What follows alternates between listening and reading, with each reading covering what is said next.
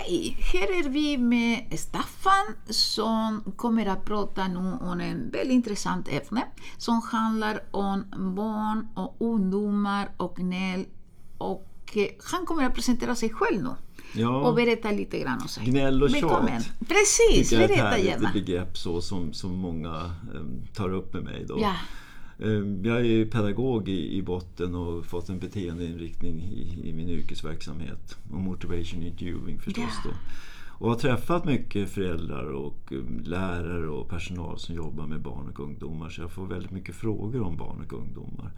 Och en sak som dyker upp är oftast det här med att sätta gränser. Att Ja, man måste precis. tala om för dem vad som gäller. precis. Och sen då hur man ska hantera det här tjatet när det inte upphör fast man har satt gränser. Ja, precis. Så, så Och vad får, brukar du svara då? jag brukar få eh, många frågor på det här. Jag brukar säga så här lite utmanande i största vänlighet. Första svaret att det första man kan göra eh, till sina egna barn det är att visa framförallt att du inte vill någonting med dem överhuvudtaget.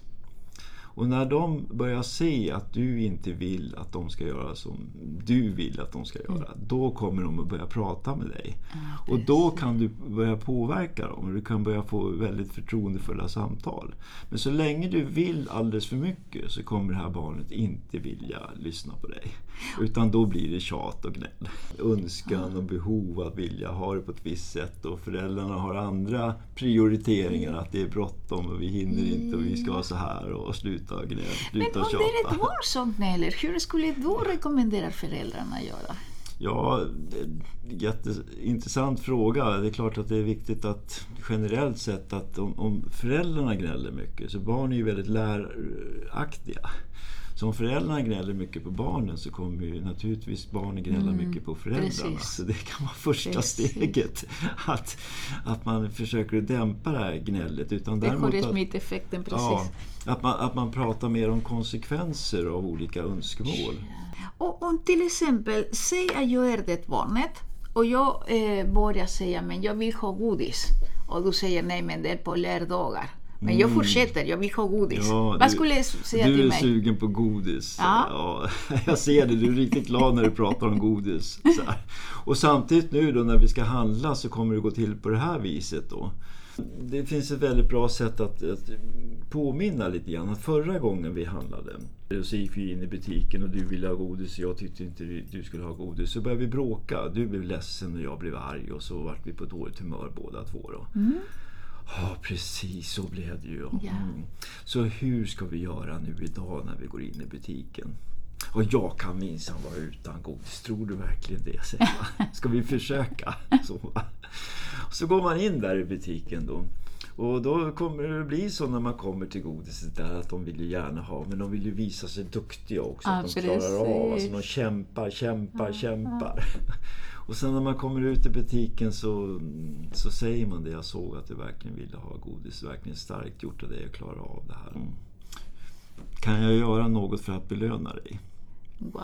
Och då kanske det blir godis i värsta fall, eller en glass eller någon annan liten sak. Då. Men det spelar inte så stor roll vad det blir. Utan då har man lärt barnet att varje gång man vill ha någonting så förhandlar man. Ja, precis. Det innebär att man får bort tjatet, utan då, då vet barnet då att man Ja. förhandlar. Jag tänker på en far som hade lärt sig det här. Det var en glassituation i en bil. Ja, då. Och då hade eh, fadern lärt barnet då att det, mm, du är verkligen sugen på glass och samtidigt kör vi här 120 kilometer nu då Ja. och så hade barnet liksom varit lite sur och inte fick glass då. Men det här barnet lärde sig en ny taktik då. Så nästa gång de åker i bilen då, då säger det här barnet till sin far Pappa, vilken glass skulle du vara sugen på om du skulle vilja ha glass? och då går han rakt in i fällan och säger Ja men det vore väl roligt, topp här skulle ju passa bra. Ja men tänk det, det skulle jag också kunna tänka mig. Förhandling. Och då, de här barnen kommer ju lära sig att klara sig bra i livet då när de lär sig att hantera människor på det här viset. Då. Precis, för jag kan tänka mig att det som du beskriver väldigt väl, att kunna lära sig, jag får inte alltid som jag vill och det är okej. Ja, precis. Att, och då förstärka den där eh, egenskapen, den där att jag är stark för att det var en motgång men jag klarade Mm, det. är att ge väldigt mycket till sina barn för livet. Ja, precis. Och sen också förståelse för att andra kanske inte får som de vill ha det när du vill ha det på ett visst sätt. Då tränar man ju den här empatiska förmågan också. Att eh, om jag är för mycket jag-fokuserad så kommer det att drabba andra. Precis. Så blir man mera empatisk mot sin omgivning utan att eh, förlora så mycket på det. Utan man kan i vänlighet hantera det och välja sina situationer då, som man hamnar i på det viset. Då.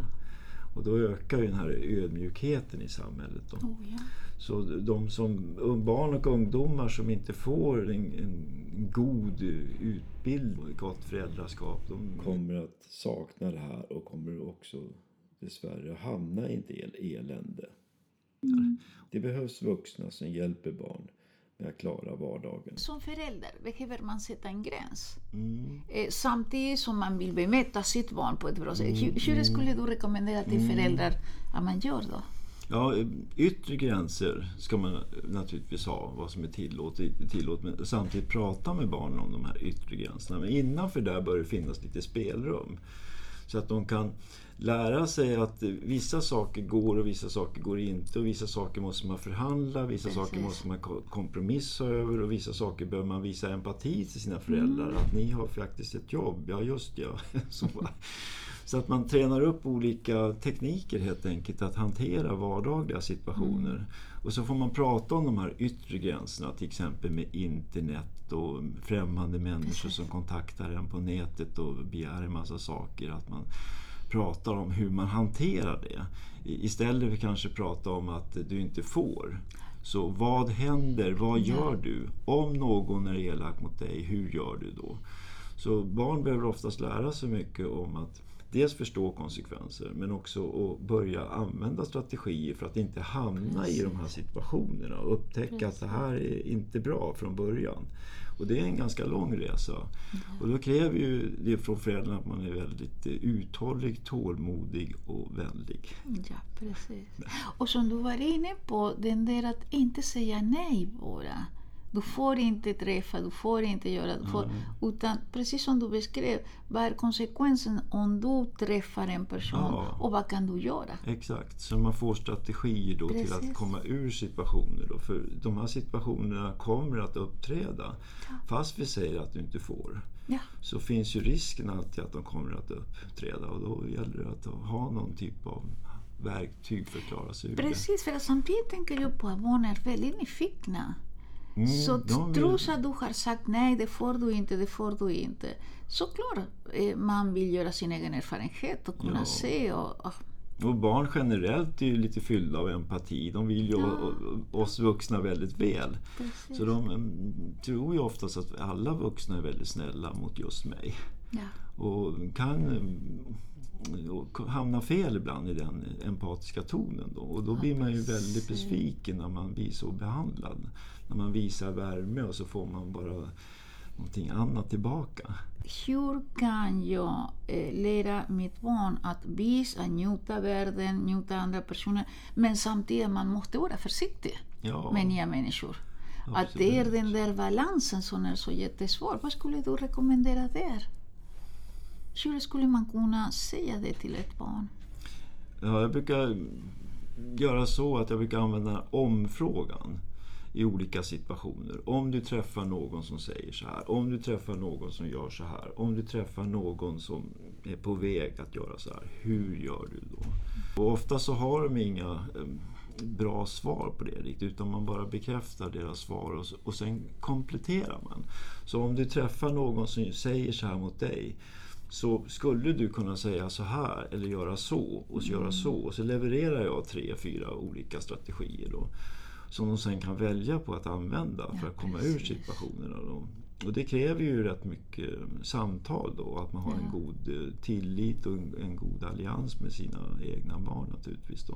Jo, för att du pratade om konflikter och jag tänker på barn på dagis, barn i skolan. Mm. Där finns massor med konflikter hela tiden. Ja, hela tiden. Ja, Och den där som du var inne på, erbjuda alternativ. Ja, Och exakt. om, vad vet jag, någon är elak mot dig, vill ta dina leksaker eller vad, vad gör du då? Och framförallt då att de inte känner att det är fel på dem. Mm. Utan de, att det säger någonting om, de andra som behandlar dig så här. Att de Precis. mår nog inte så bra. Så att man kommer ifrån det här personliga, att, att det är något fel på mig. Ja, Barn precis. tar gärna åt sig att de känner att de inte duger och inte räcker till. Då. Och då får de strategier till att jag bestämmer vem jag är. Och då blir man lite nöjd med det. Oh ja! Oavsett vad andra gör. Och så Och kan jag- man hantera andra lite vänligt då också. Jo, och jag älskar din tanke som du har där att lära barnen strategier. Mm, Att inte bara gå på man ska förbjuda. Utan man ska säga att okej, konsekvensen och sen handling. Vad, vad är det man kan göra åt det? Eller på vilket sätt? Och gör man sånt här vid flertal tillfällen så, så kommer det här tjatet att upphöra.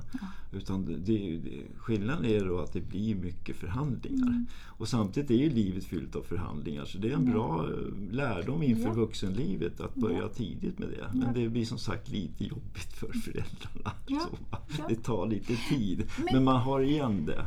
Men kanske är det det. där att man lär också barnen att eh, ja, vissa saker går att förhandla och kanske några inte just nu. Ja, och ibland så får man inte som man vill. Ja, får man också precis, lära sig precis. då. Och ibland så får man som man vill eller ibland måste man kompromissa då. Ja. Så att det blir lite lärdomar av, det.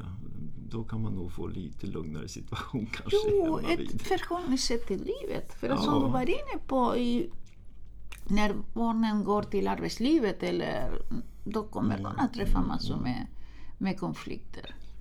Det verkar som att nyckelordet är att förhandla.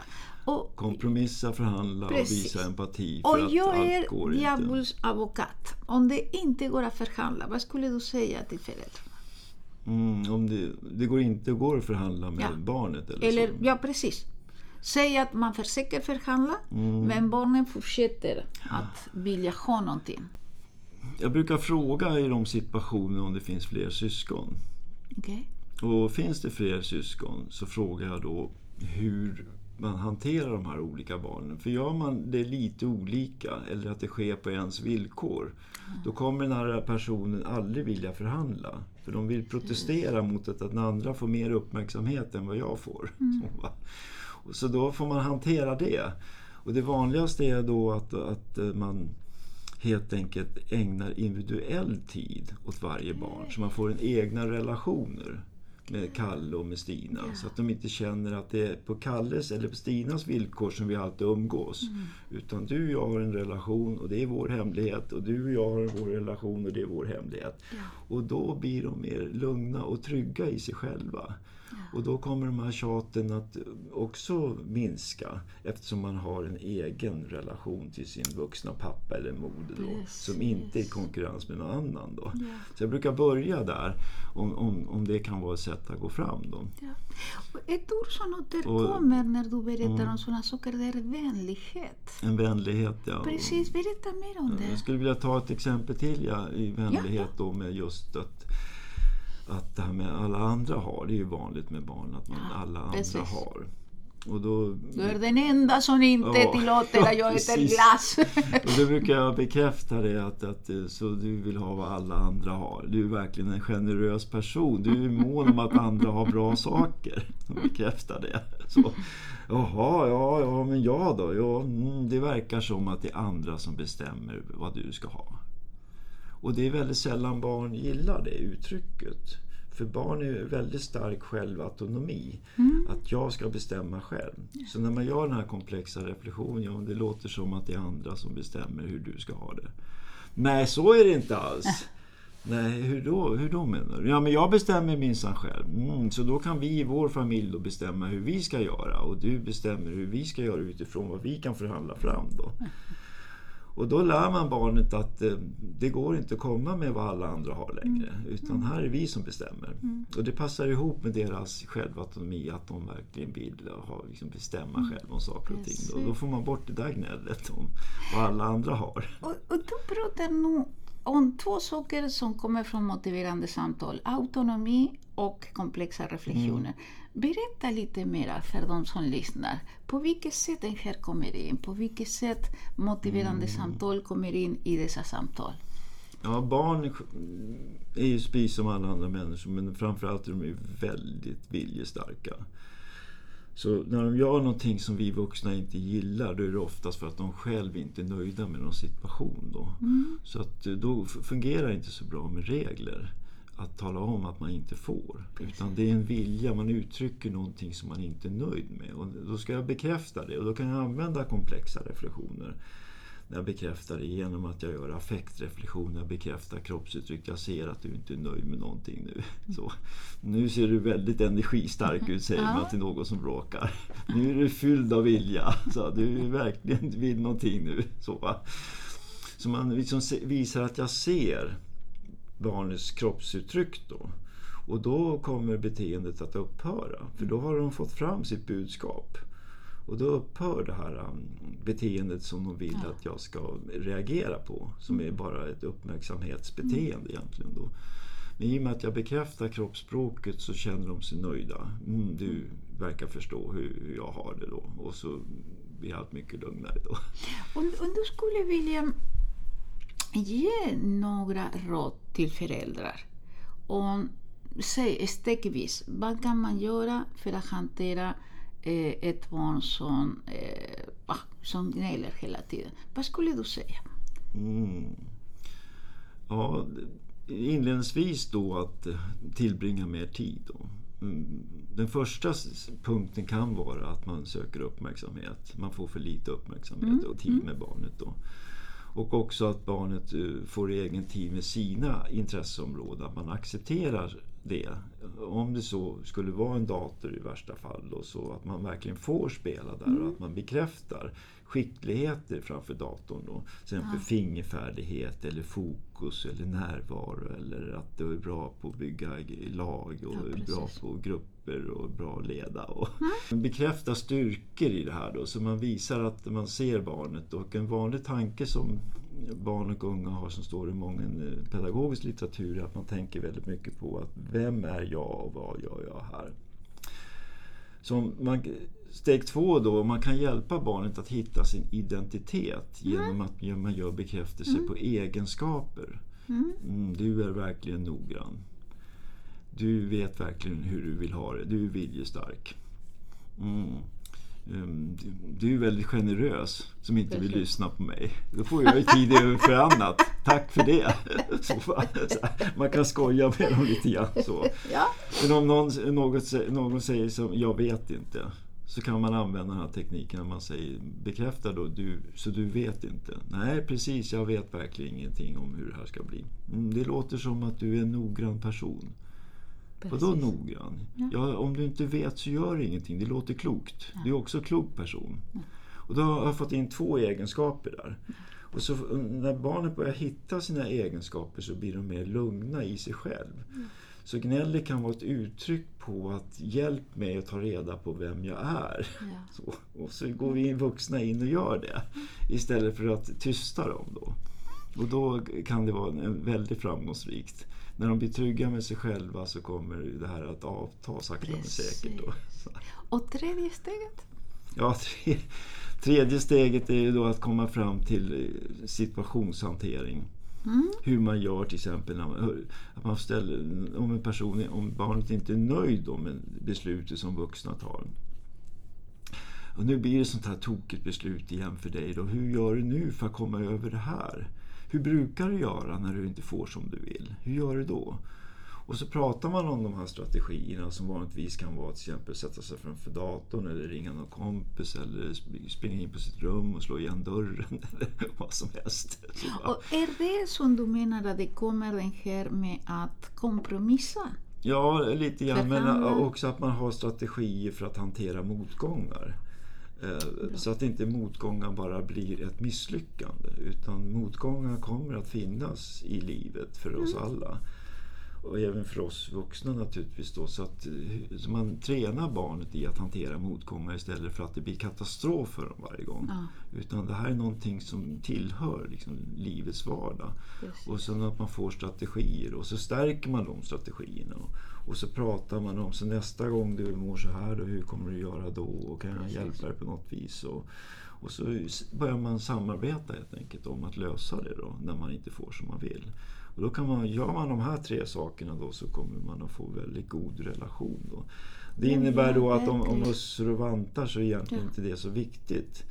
För att när man är 17-20 år då gäller det krogen, alkohol och Ja, relationer. Ja. Och då är det bra att ha en stark relation till sitt vuxna barn för att kunna prata om det som händer där ute på nätterna.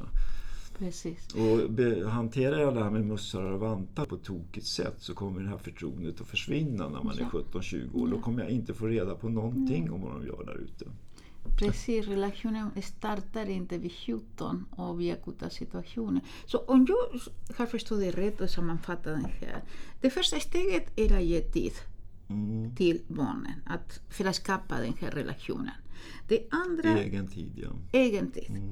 Den andra handlar om identitet. Att bygga upp en identitet genom bekräftelser. ja. Och det tredje är det som du kallade för situationshantering. Och det handlade om strategier för att hantera motgångar Mm. istället för katastroftänkande. Exakt, ja. Har jag förstått det Ja. rätt? Och sen ingången för att lyckas med det här det är att eh, barnen ska känna att jag vill ingenting som vuxen med dig. Du behöver inte gå i den skolan som jag rekommenderar. Du behöver inte bli det. Du behöver inte bli det. Oavsett vad du gör så kommer vi alltid att tycka om dig och du är den vi kommer alltid att bry oss om oavsett hur du gör. Så du behöver inte förklara saker och ting för oss om du Precis. inte vill. Utan vad det än gör så är det okej. Däremot så kommer vi alltid att prata om konsekvenser av det du gör i största vänlighet. Ja. Tusen tack Staffan. Det var otroligt, otroligt intressant. Ja, och eh, du har också skrivit en bok. Vad, vad heter boken? Ja, just det. Det hade varit ett roligt namn på den där boken, Smarta barn. Då, Ja, precis. På hur man utvecklar ett logiskt tänkande hos barn. Genom att man tränar dem med att tänka i konsekvenser och strategier i största vänlighet. Det är jobbigt för barnen att göra det här då. Och det innebär då, eftersom skolan är uppbyggd på konsekvenser och strategier då, så får man goda verktyg till att klara skolan och högre studier och så. Och man gör sig inte själv till offer och man ger inte upp när man får motgångar och så vidare. Utan man blir ganska stark i utbildningshänseende också. Då. Och ju också att man tränar upp det här logiska tänkandet. Det vill säga att hjärnan är en organ precis som en muskel. Så att den behöver också tränas. Ja. Som- så jag brukar skoja ibland till barn och säga så här, jag behöver inte prata med dig nu. Utan om jag får låna din hjärna en stund så kan jag prata med den. Du kan bara få lyssna på vad den säger.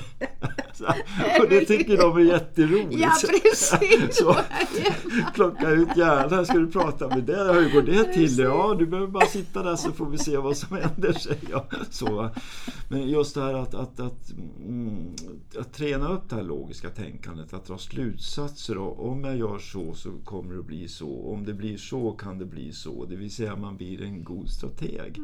Och också lite diplomat i det. Och på det viset tränar man också upp empati för andra människor. precis. att det jag gör kommer att drabba andra. Och det kommer få effekter även för mig. Precis. Så man kan se saker i flera steg. Det är ju väldigt populärt att säga att man ska leva i nuet och, och barn är ju jättebra på det. Men det vi gör i nuet kommer att påverka hur vi får det framgent. Precis. Och det är en slutsats som barn behöver träna på att lära sig att se det sambandet. Då. Så smarta Smarta barn. Smarta barn. Kalles den. Eh, boken rekommenderas.